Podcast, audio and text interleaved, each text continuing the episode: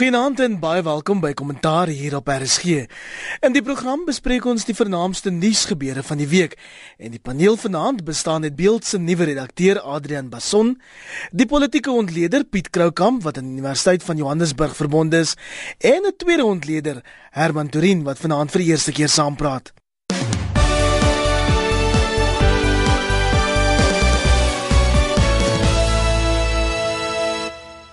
Kollegas, kom ons begin by Beeld se opspraak wekkende onthulling die week dat president Jacob Zuma vir die eerste keer direk en onder eed by Gupta Gate betrek is. 'n Sleutelgetuie in die weermag se ondersoek na die landing van die Gupta familie se bruilofsgaste, dis nou by die Waterkloof lugmagbasis, beweer die president en Bruce Kolowani, die oud hoof van staatsprotokol, het 'n ontmoeting gehad waar tydens meneer Zuma wou weet of alles op koers is vir die vlug. Nou Adrian, dis 'n massiewe eksklusiewe storie en dit in jou eerste week as Beeld se nuwe redakteur. Skets gou vir ons vinnig die agtergrond. Dankie Iver. Dit was 'n groot storie. Die Gupta Gate wolk uh, hang net maar oor president Zuma al van April af toe sy vriende die Gupta familie geland het daar. Um, ons moet net vinnig terug gaan na die verhouding tussen Zuma en sy familie en die Guptas. So president Zuma is erkende huisvriend van die Gupta familie. Um, hulle besit die Sahara um, rekenaarwinkels asook die New Age Quran. Hulle besit 'n paar myne hier in die Noordwes en sy seun Duduzane Zuma is 'n is 'n baie ernstige sakevernoot van die Gupta. So en um, sy familie se finansiële welstand is direk verbind aan die aan die uh, Guptas en so net om daar te begin. Tweedens in op 30 April het 'n groot vliegtuig uit Indië geland op Waterkloof lugmagbasis wat reg 'n nasionale key point is en, en waar dan net veronderstel is om staatshoofde te land. Daar was 'n ondersoek gewees Ruskolwane die hoof van staatsprotokol is is geskort uh, hangende ondersoek in die departement van internasionale betrekkinge en dan is daar hierdie vyf lede van die lugmag is ook geskort oor hulle rol.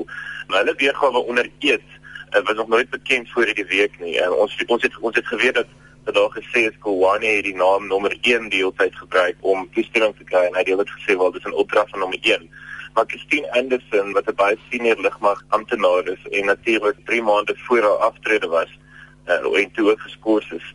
Uh, sy het nou onder eed in 'n beëdigde verklaring gesê dat Kowani al gebel het, uh, wel eerstens het sy gesê dit duidelik nommer 1 vir die eerste keer. Sy sê in die lugmag of in die weermag praat ons nooit van die president op sy naam nie. Ons praat van nommer 1 as wat nou verwys in telefoongesprekke. So vir die eerste keer is dit bevestig onder eed dat nommer 1 inderdaad na president Zuma verwys. En die tweede belangrike punt was dat sy dan nou verwys na daai telefoonoproep van Kowani.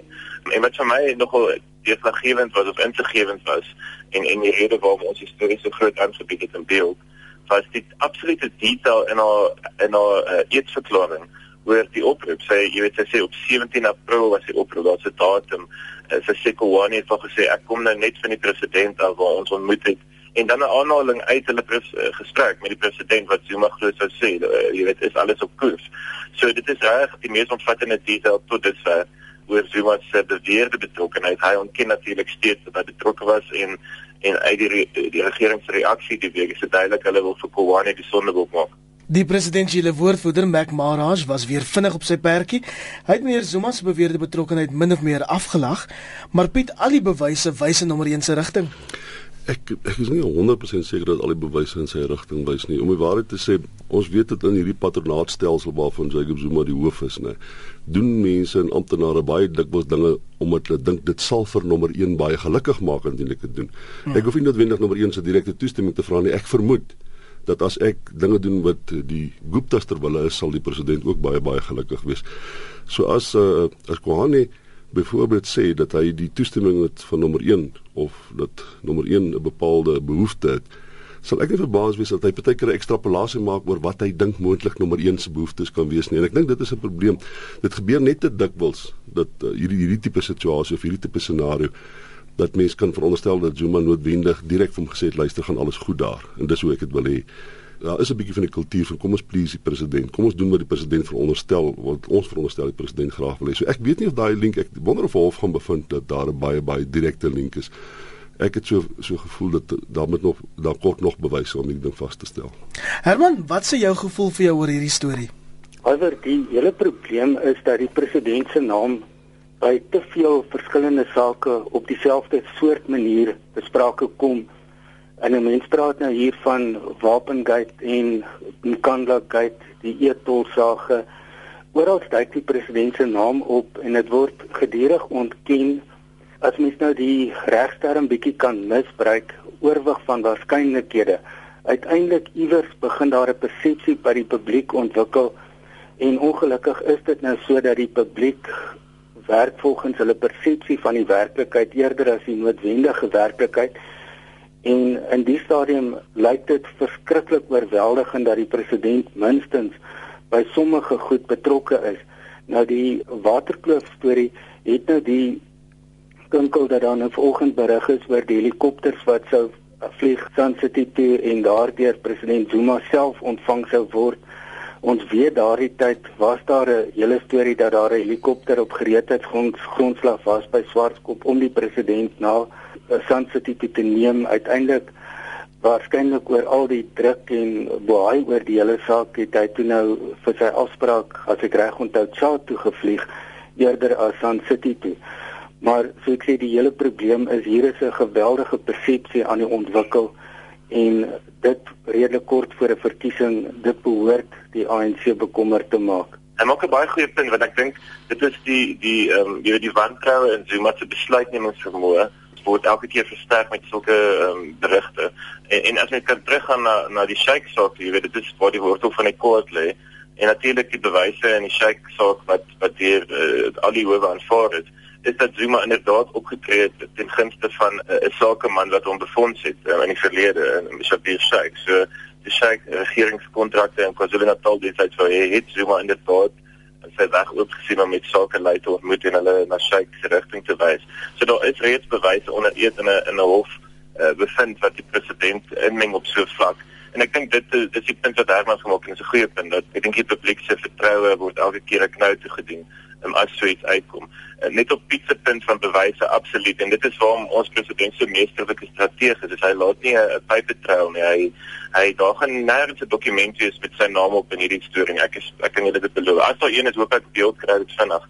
Maar ehm um, uh, jy weet hy hy is baie slim en uitgeslaap. Hy sal nie uh, sy vinger afdrukke los op so 'n ding nie.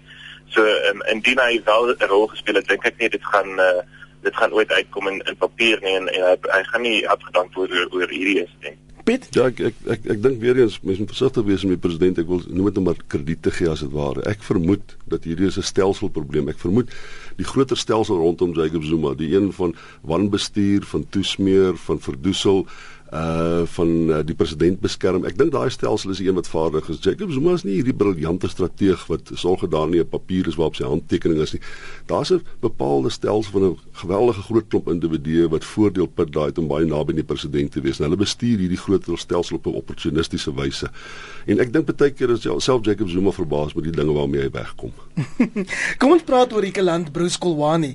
'n Vroeëre ondersoek deur die departement van justisie het al bevind dat hy minstens 3 keer gesê het hy voer nommer 1 se opdragte uit en ons weet daar is ook bevind dat hy ook al gelieg het oor meneer Zuma se rol Adrian So die enigste weergawe wat ons het van Kolwane is wat hy glo sou gesê het in die justisie verslag. Daai verslag is baie problematies alweer want um, daai verslag is nie 'n ondersoekende verslag in my mening sou wees. Dit het dit het net twee goed gesê. Dit het gesê Kolwane het erken hy het Zuma se naam gebruik en tweedens uh, hy het erken dat Zuma hom nooit gebel het nie. En dan is daar ook 'n punt dat van Zuma se kantoor gewees het te sê wel hy het nooit met Kowani gepraat nie, maar daar was nie verdere ehm um, uh, ondervraging amper en en 'n kritiese kyk na daai weergawe is nie. Uh, daar was nie 'n vraag gevra hoekom het Kowani gelieg? Hoekom sou hy hierdie stories opmaak? Het hy moontlik met Zuma gepraat? Het hulle gekyk na sy telefoonrekords? Seker tipe goed nie. So ons moet nou maar net gaan op die weergawe dat Kowani sê okay, wel hy het Zuma se naam misbruik. Uh, Zuma het nie met hom gepraat nie. Hy het dus gelieg. Hy het die president belasting sou ek sê. En nou dis nou waar dit vreemd raak want Kouane het hierdie week weer begin werk by die departement van internasionale betrekkinge. Wel is voor in 'n in 'n mindere uh, posisie. Hy's hy's nie meer hoof van staatsprotokol nie. Hy's nou 'n bietjie meer junior. Uh, maar hierdie ou het te werk, sy uit sy werk gehou. Jy weet hy het ehm um, hy's terug by die werk. Hy's terug in in 'n baie sleutel regeringsdepartement. En ek dink die vraag wat ons dan aan hom vra is as as iemand die president, iemand so hoop is die president so absoluut leenagtig betrek by 'n uh, voorval van korrupsie. Hoe op die aarde kan kan hy toegelaat word om terug te kom in die regering? En ek dink ongelukkig weer eens met die met die gebrek aan dokumentêre bewyse ontstaande persepsie dat hy ehm um, dat dit deel was van een of ander deal tussen tussen Kowane en en Zuma.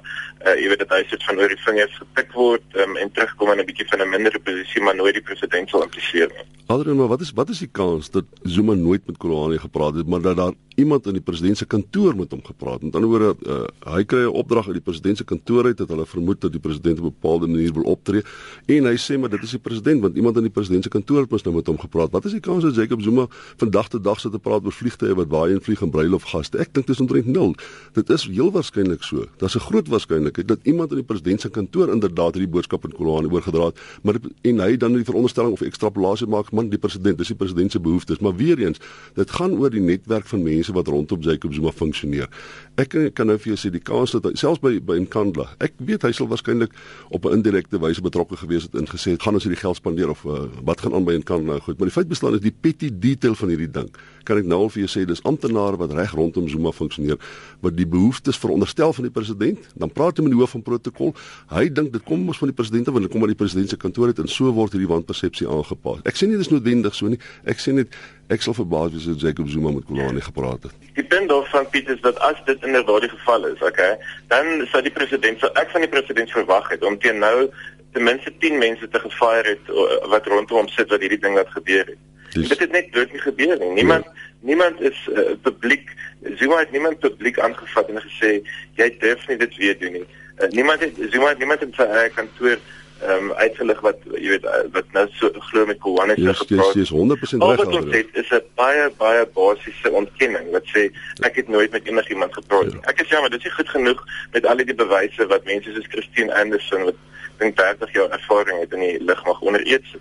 Nie. Ja, ek ek kom nie op vir die president. Ja, wat ek sê is nee. Hy kan waarskynlik nie teen die mense in sy kantoor optree. Jy moet onthou, dit is die firewall. Dis die beskermingsnetwerk wat weer tussen hom en die volgende kantoor staan, tussen hom en die polisie staan, tussen hom en vervolging staan. Hy sal inderdaad nie uh, optree teen mense in sy kantoor of mense direk rondom hom. Hy het waarskynlik direk daai mense aangestel of hy's op indirekte manier is dit die mense wat wat wat hy veronderstel wat hom sal beskerm in die toekoms teen ander gevalle weer.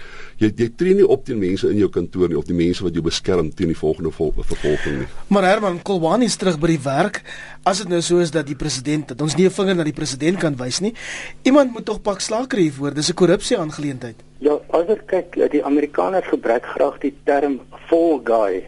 Nou in die stadium weer eens as 'n mens as 'n lid van die publiek na die nuus kyk, dan lyk dit asof Kolani nou die fall guy geword het hier. Hy, hy vat nou die blame en uiteindelik dan wonder 'n mens hoeveel ander mense rondom ander sake En as mens nou kyk na hierdie ehm um, geregtelike ondersoek na die wapenskandaal, hoeveel mense daar kom eintlik voor asof hulle die fall guys is. Hulle moet nou goed regverdig en verdedig terwyl hulle eintlik maar net amptenare was wat besluite uitgevoer het en nou kom hulle met baie sterk motiverings deur.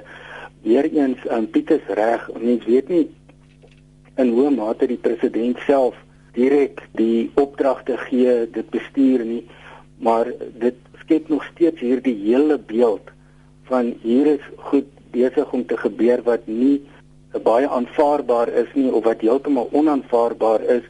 En um, soos Adrian sê as die president dan ontevrede sou wees daarmee hoekom word die mense nie afgedank nie? Dit is die normale praktyk van as mense jou jou naam misbruik jou posisie misbruik en die feit dat dit nie gebeur nie ongeag wat die rede daar is skep nog steeds die persepsie dat hier 'n oor en weer rugwasery is en uiteindelik die president wegkom met goed wat in 'n ander land in 'n normale demokrasie as 'n mens nou daardie geuite term kan gebruik nie sommer sou gebeur het nie Ons moet net nie maak asof meneer Kolwani onskuldig is nie. Beeld het onder andere die week na hom verwys as die hoofleenaar. Meneer, kom ons praat oor die pad vorentoe. Adrian, wat behoort volgende te gebeur? Alles uh, weer eens uh, ja, ons het niks uh, wit op swart wat Zuma impliseer nie. Ons het nie uh, telefoonrekords en, ensovoorts nie. Maar ek dink nou hierdie week uh, is daar onder eet uh, baie meer detail oor Zuma se beweerde rol in Gupta Gate as Kowan het gelieg het wat 'n ongelooflike talentvolle leenaar wat baie gedetailleerde stories opgemaak het oor gesprekke met Zuma wat nie gebeur het nie oor vergaderings van die president wat nie plaasgevind het nie oor aanhalings wat die president sou gesê het wat hy nie gesê het nie So ehm um, jy weet dit is nie net uh, dat Kowani gesê het wel Zuma toestemming gegee nie, maar daar's 'n klomp detail. Ek sou hoop en en dis reg my enigste hoop is dat dat Zuma en Kowani op die stadium gehoor word in hierdie saak dat dat uh, Christine Anderson se regsverteenwoordiger het reeds gesê dat hulle vir vir Zuma en Kowani wil subpoena om te getuig in 'n militêre verhoor as daar een sou plaasvind. Ehm um, so ek en ek dink dit gaan waarskynlik die naaste wees dat ons aan die waarheid kom as jy daai twee mense in 'n getuiebank kan kry maar ek ek twyfel op, op die kans dat president Zuma vrywillig en so iets sal getuig en ehm um, hy sou waarskynlik dan ook sy eie regspan opdrag gee om om om uit so verhoor te hou wat hulle baie suksesvol tot dusver gedoen het. Ek dink die enigste voordeel vir my van hierdie hele storie van die hele saak, die sordid saak soos hulle in Engels sê, is die feit dat daar's verdelings binne die ANC. Julle sal onthou destyds toe dit gebeur het. Het Willem Montasle uit hulle toe hy sy verklaring uitgereik waarin onder andere iets Jofafek beweer dat die die, die, Guptas is nie ons vriende, dis die president se vriende. Nou hierdie onbestendigheid het konsekwensies vir Jacob Zuma se oorlewing binne die ANC. Al lyk dit op die ANC om skaar agter Jacob Zuma. Ek kan nou vir julle sê daar's verdelingslyne wat binne die ANC bestaan en hierdie tipe van ding, daar's ouens binne die ANC wat terugsit en sê, "Wag maar, die president sal homself ondergrawe op 'n kol." Is dit hoe jy ook die situasie lees, Herman? Ja, hier bepaald is daar ernstige verdeling in die ANC en mense sien dit nou ook uitslaan in ander tipe aksies die hele storie rondom oud-president Mbeki se naam wat nou genoem word rondom die Gautengse verkiesingsveld tog. En dan iets wat eintlik so 'n bietjie deurgeglip het Mbeki het nou die aand 'n lesing gegee waar hy verwys het na die opkoms van tribalism wat as 'n baie groot probleem beskou en hy duidelik daar die die vinger in Zuma se oë gedruk deur te verwys na die plakkers wat so 100% Wenda en 100% 110% Swana verwys. En dit is nou baie duidelike steekie in na die um, 100% Zulu boy waarmee Zuma die presidentskap benader het. Daar is verseker 'n uh, ongemaklikheid binne die ANC verdeeldheid en dan um soos die Sunday Times sê daar is 'n skeiding tussen Letuli huis en die Gautengse leierskap maar dan ehm um, as ek nou ook iets analoog van vorige deelnames verwys binne Lituanië is alles ook nie lekker in in serie nie. Daar is ook 'n 'n paar verskillende strominge wat montasie bietjie een kant skuif en en die soort van verskuiwingspolitiek wat binne in die uh, ringkop geleedere plaasvind Ons beweeg nou na die herrie wat losgebars het nadat professor Jonathan Jansen, direkteur van die Universiteit van die Vrystaat, sou gesê het dat Engels so gou moontlik die onderrigtaal in skole moet wees. Daar was ewige kritiek onder meer van die Stichting vir Bemagtiging deur Afrikaans wat sê dit kom neer op flagrante miskenning van ouers se reg om hulle kinders in die taal van hulle keuse op te voed. Maar professor Jansen sê nou is verkeerd verstaan. Mense het nie sy hele toespraak gelees nie.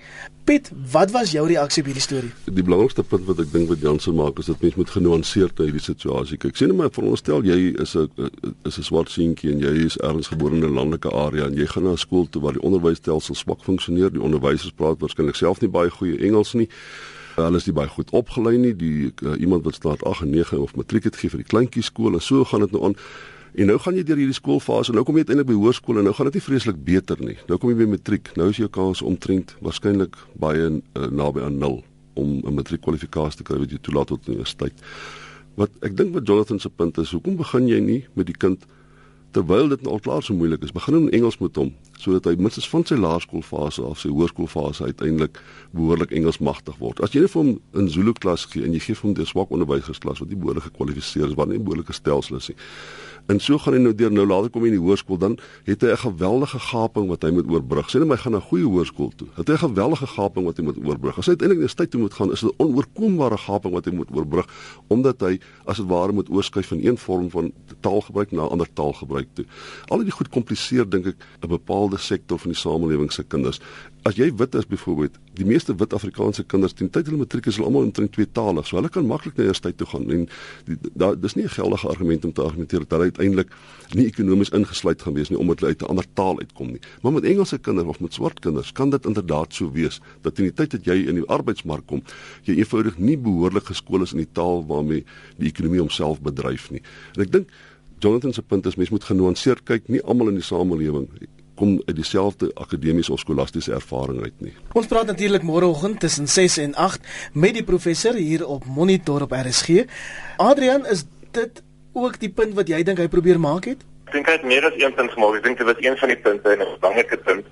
Maar ek dink 'n tweede punt wat definitief die uh, sene weer raak geboor het veral uh, onder Afrikaanse mense is sy punt gewees dat eksklusief Afrikaanse en dan veral af eksklusief wit skole 'n um, bedreiging in rasverhoudings in Suid-Afrika en en uh, ek dink dis 'n baie baie interessante punt. Ons het uh, baie interessante reaksie ontvang by beeld uh, ook van ons eie kollegas. Um, dit was dis, dis natuurlik nie 'n nuwe ding dat Afrikaanse mense uh, hulle kinders na Engelse skole te stuur en dit gebeur al vir jare. Een van my kollegas, Gally van Rensburg, het beeld sy adjunkredakteur het 'n baie genuanceerde stuk geskryf in beeld hierdie week oor waarom hy destyds besluit het hier by 95 grond om sy kind in 'n Engelse skool te sit, juis om die kindjie bloot te stel aan aan maatjies wat nie net soos hy lyk like en praat nie, maar wat swart is ehm um, en en natuurlik dan uit die Engelse taal kan praat. En ek dink dit is uh dis dis 'n goeie debat. Dit is my jammer dat dat Jansen so 'n bietjie teruggekrabbel het en en uh, weggestuur het van die omstredenheid wat uh, dit veroorsaak het. Ek dink dit is 'n goeie gesprek om te hê oor die toekoms van ons kinders en uh, ek dink almal wil hulle kinders grootmaak en uh, om gerad te wees om in Suid-Afrika te bly en 'n toekoms hier te hê. En, en dan moet jy harde vrae vra oor die rasse 'n profiel van skole wat eksklusief uh, een taal is. Teenargument natuurlik dat die Afrikaanse skole by verre weg uitstekend presteer en 'n baie goeie kwaliteit van onderwys aan aan ons kinders bied. En hoe kan jy dit dan as uh, versoen uh, met 'n blootstelling aan aan groot diversiteit? So ek dink dit is 'n dit is 'n sien wie wat hy raak gebeur het, maar dit is een waaroor ons moet praat. Uh, dit is my baie interessante gesprek. Ons weet natuurlik dat die professor 'n bietjie van 'n Madiba-agtige figuur is in sekere Afrikaanse geleedere, maar hierdie week was baie mense vir hom kwaad. Herman, hoekom dink jy was so baie spesifiek Afrikaanse mense vir die professor kwaad? Daar's basies twee redes hoekom die hele storie so ontplof het. Die eerste was nou die oorspronklike mediaverklaring wat um, later van die webwerf verwyder en vervang is. Nou in die oorspronklike mediaverklaring het die spesifieke woorde gestaan dat uitsluitlik Afrikaanse skole of selfs oorheersende blanke Afrikaanse skole hou 'n ernstige bedreiging vir rasseverhoudinge in Suid-Afrika in.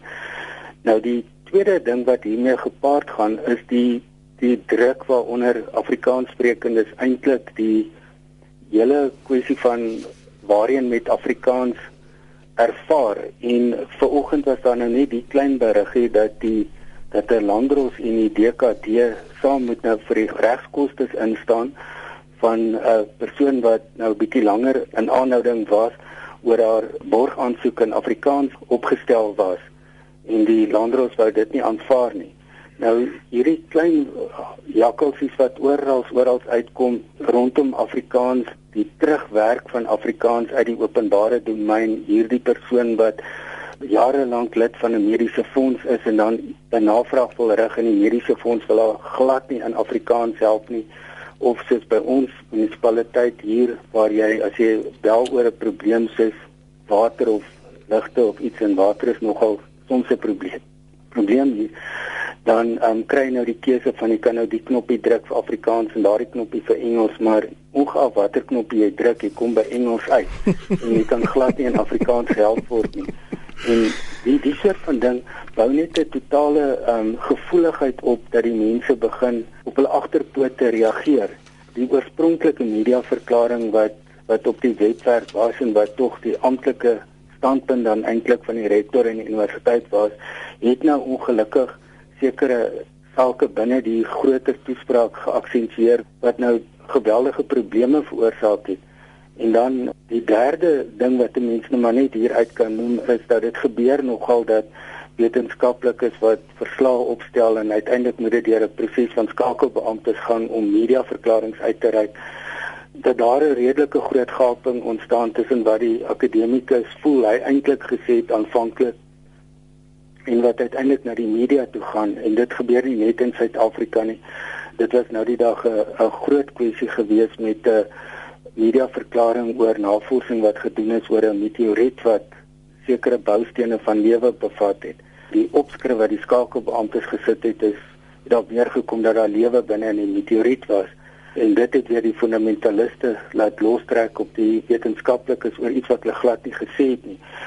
En ek kry die idee hier het nogal baie van hierdie verdeeldheid oor wat Jansen gesê het het nou uit uit hierdie um, oorspronklike mediaverklaring gekom wat 'n persoon waarskynlik in baie goeie bona fides opgestel het en nie besef het die rektor gaan so blootgestel word nie. Dit is nou gedoen die die media verklaring is vervang. Ek het nie gesien dat daar werklik iewers verwys word na die nuwe media verklaring nie. En ek dink die nuwe media verklaring gee baie meer weer wat Jansen eintlik bedoel het om te sê. Maar dis nie die eerste keer dat hy misverstaan word nie. Onlangs was hy ook in die moeilikheid omdat hy uitsprake sou maak oor oud-president Nelson Mandela se gesondheid en toe het hy die media geblameer. Ja, hy's 'n bietjie flamboyant partykeer. Is hy nie bietjie aspres? Ek het ek het al wel meer is dat hy's 'n bietjie flamboyant en hy uh ek dink in in die hitte van die oomblik ek ek het al 'n paar keer na toesprake van geluister. Ek is baie lief vir Jonathan. Partykeer is hy flamboyant, die oomblik is groot en hy sê dalk dinge wat hy later moet kwalifiseer en wat hy dalk bietjie anders sou wou gestel het as hy nog 'n kans kry. Maar ek dink net om vir die laaste oomblik terug te kom na die ding van van Afrikaanse skole.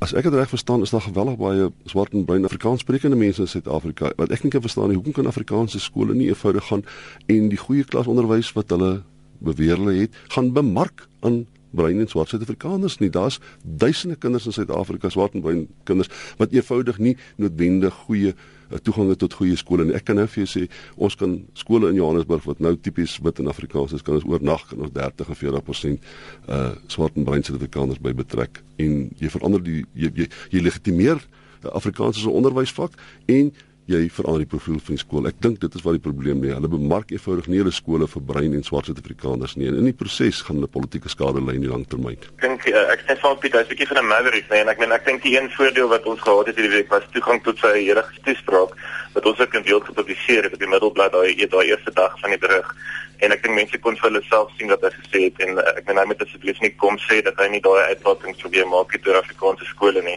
Geen spin doktering sal dit uh, kan verander nie.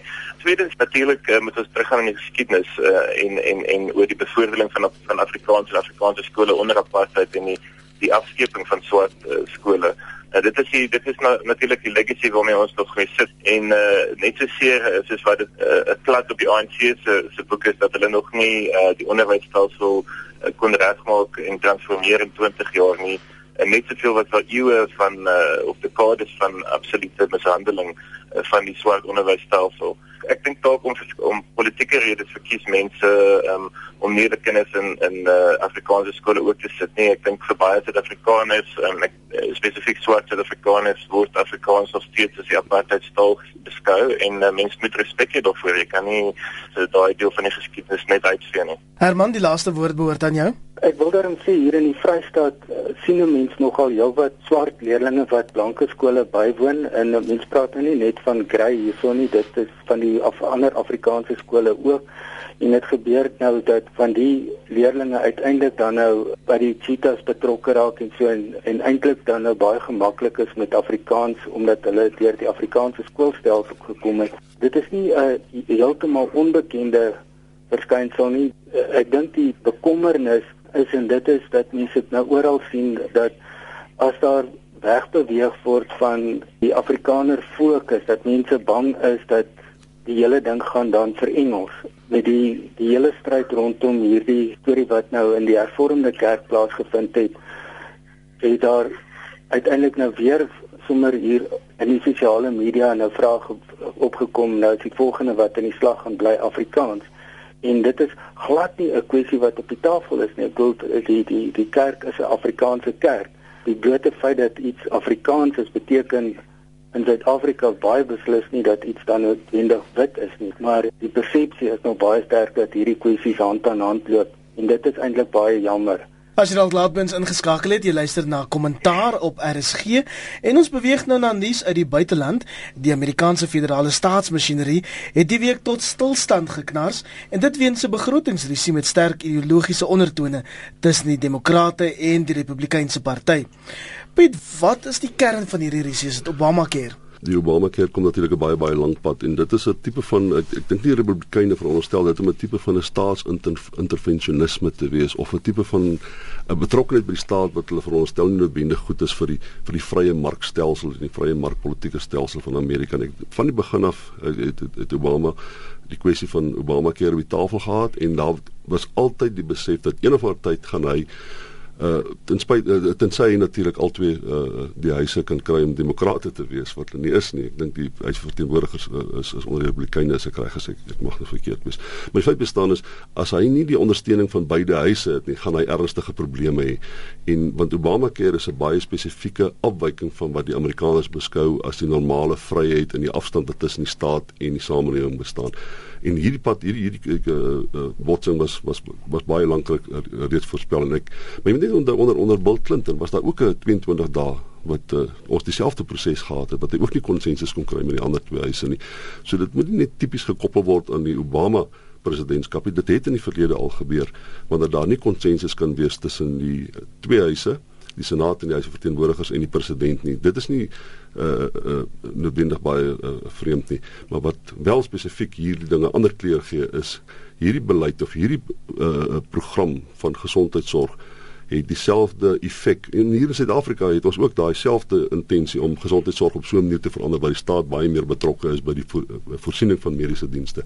Dit is 'n bietjie van 'n ideologiese ding. Dit is 'n manier die groot prentjie van hoe sien ons die staat samelewing verhoudings ter sprake daar. Adrian, dit het dalk al in die verlede gebeur, maar ek moet vir jou sê president Obama lyk vir my bietjie magteloos. Ja, ek kan nogal ehm um, myself verbeel hoe hy soms daar sit by sy lesemouer en en en sê jy sê demokrasie is 'n goeie idee maar hel dit het my nou hierso in moeilikheid gebring. En uh, ek dink wat nou daar in Amerika gebeur, jy weet, is tog ons 'n uh, is waarskynlik 'n goeie argument vir ontleikende diktators oor waarom demokrasie nie goed is nie. Ehm um, nee, dit is dis dis selfde ding. Ek meen die die huis van verteenwoordigers in die senaat uh, verskil die die huis van verteenwoordigers is republikein die in die senaat uh, demokrate en die republikeine wat tradisioneel na meer ehm um, harde kapitalistiese agendas gedryf het. Is heeltemal gekant teen hierdie gesondheidsplan van Obama uh, waar die staat baie meer betrokke is by gesondheidsbelasting. Nogal nie heeltemal anders as ons National Health Insurance ehm um, die die gesondheidsplan wat op die tafel is in Suid-Afrika waarskynlik binne die afsienbare toekoms eh uh, goedgekeur en geïmplementeer gaan word nie. Ehm um, maar dit is natuurlik ook goed vir, vir demokrasie as partye so kan verskil en dat demokrate en Obama nie absolute mag het oor die manier hoe daai land bestuur word nie. Eh uh, dit is wel nogal skokkend en jammer om om te sien hoe die regering dit wil kan toemaak. Ehm um, ek het nou vanoggend weer 'n bietjie gelees oor al die departemente wat geraak word deur hierdie shutdown en dit is dit is skrikkelik. Jy weet dis selfs groot dele van die onderwysdepartement die nasionale parke in Amerika toegemaak en en dis is net die ehm um, jy weet daai daai uh, die die polisie en die ambulanse wat nou nog werk in die hospitale die die uh, essential services of noodsaaklike dienste.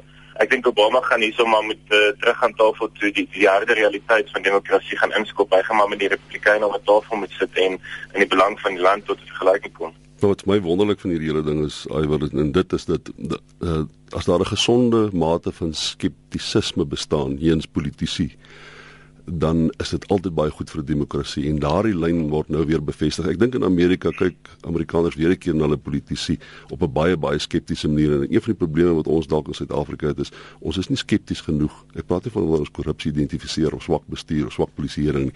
Ek praat van die intensies, die werklike aard van die verhouding tussen staat en samelewing. Oor daardie verhouding moet ons altyd skepties bly, natuurlik geneties skepties bly. En die Amerikaners is weer opnuut herinner aan hoe belangrik dit is om skepties te wees teenoor die intensies van jou politici. Dis goed vir demokrasie, maar die gevolg is dat 800 000 staatsamptenare met onbetaalde verlof huis toe gestuur is. Herman, wat is die impak hiervan op die Amerikaanse ekonomie?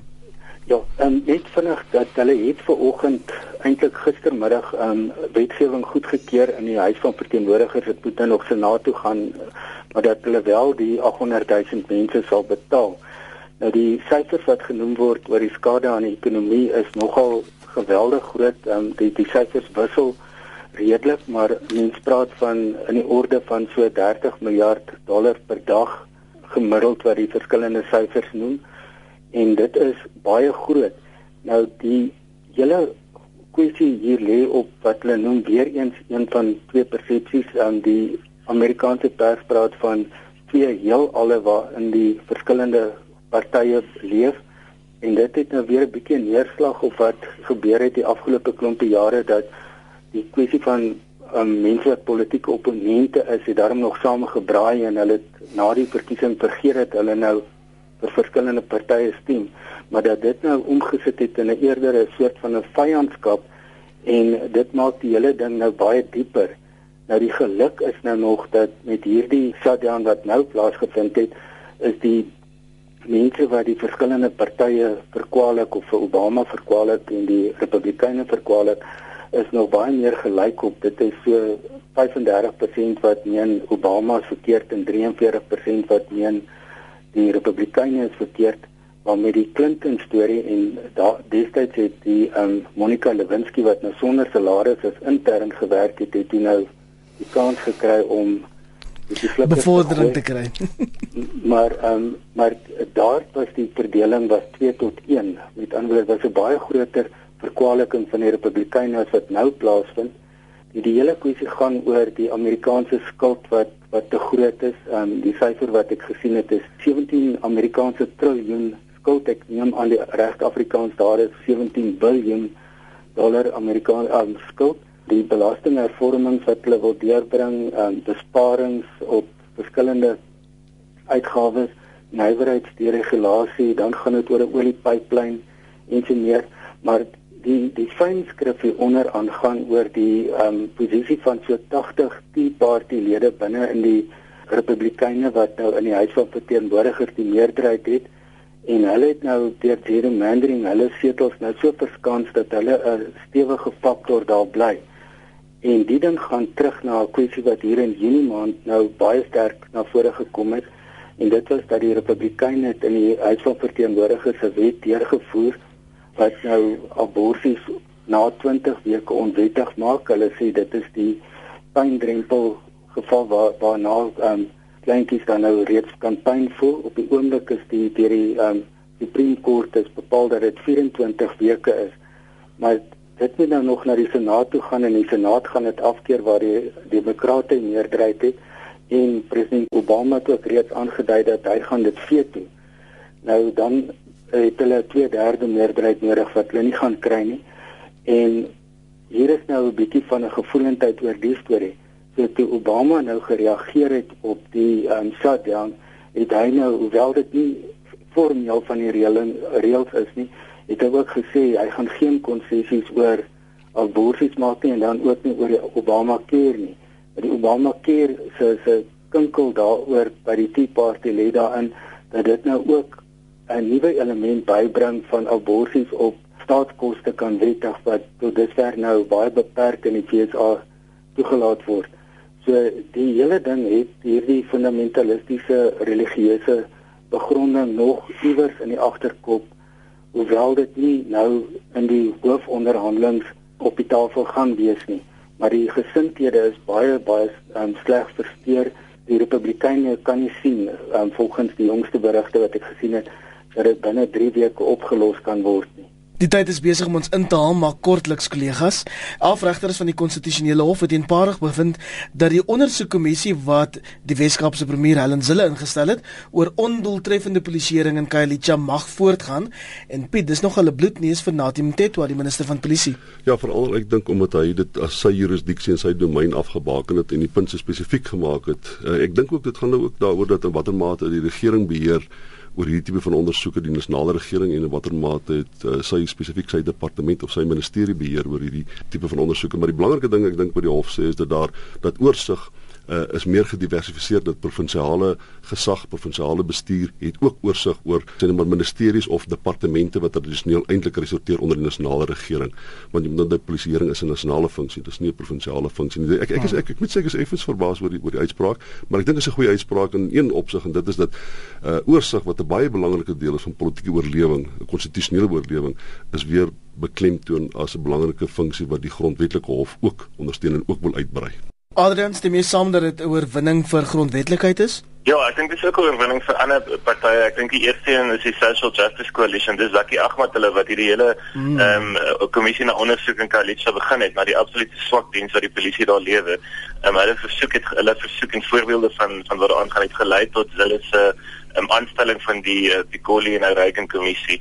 Ehm um, en uh, en en dis die eerste punt. Die tweede punt is natuurlik hierdie DA ook uh, politieke punte hier gewen. So baie goeie tyd vir die DA om so 'n tipe oorwinning te behaal in die grondwetlike hof met 'n verkiesing wat om die draai lê. Kollegas, dis tyd om te groet. Baie dankie vir julle deelname vanaand aan kommentaar hier op RSG. Jy het geluister na die politieke ontleder Piet Kroukamp. Hy is aan die Universiteit van Johannesburg verbonde. Naand Piet. Goeienaand. Beeld se splinternuwe redakteur Adrian Bason. Baie dankie. Dit was lekker, dankie ou. En vanaand vir die eerste keer op kommentaar 'n nuwe ontleder Herman Turin, wel 'n ou ontleder vir die eerste keer hier. Baie dankie Herman. Baie dankie en goeienaand luisteraars. My naam is Iver Price, lekker aan verder.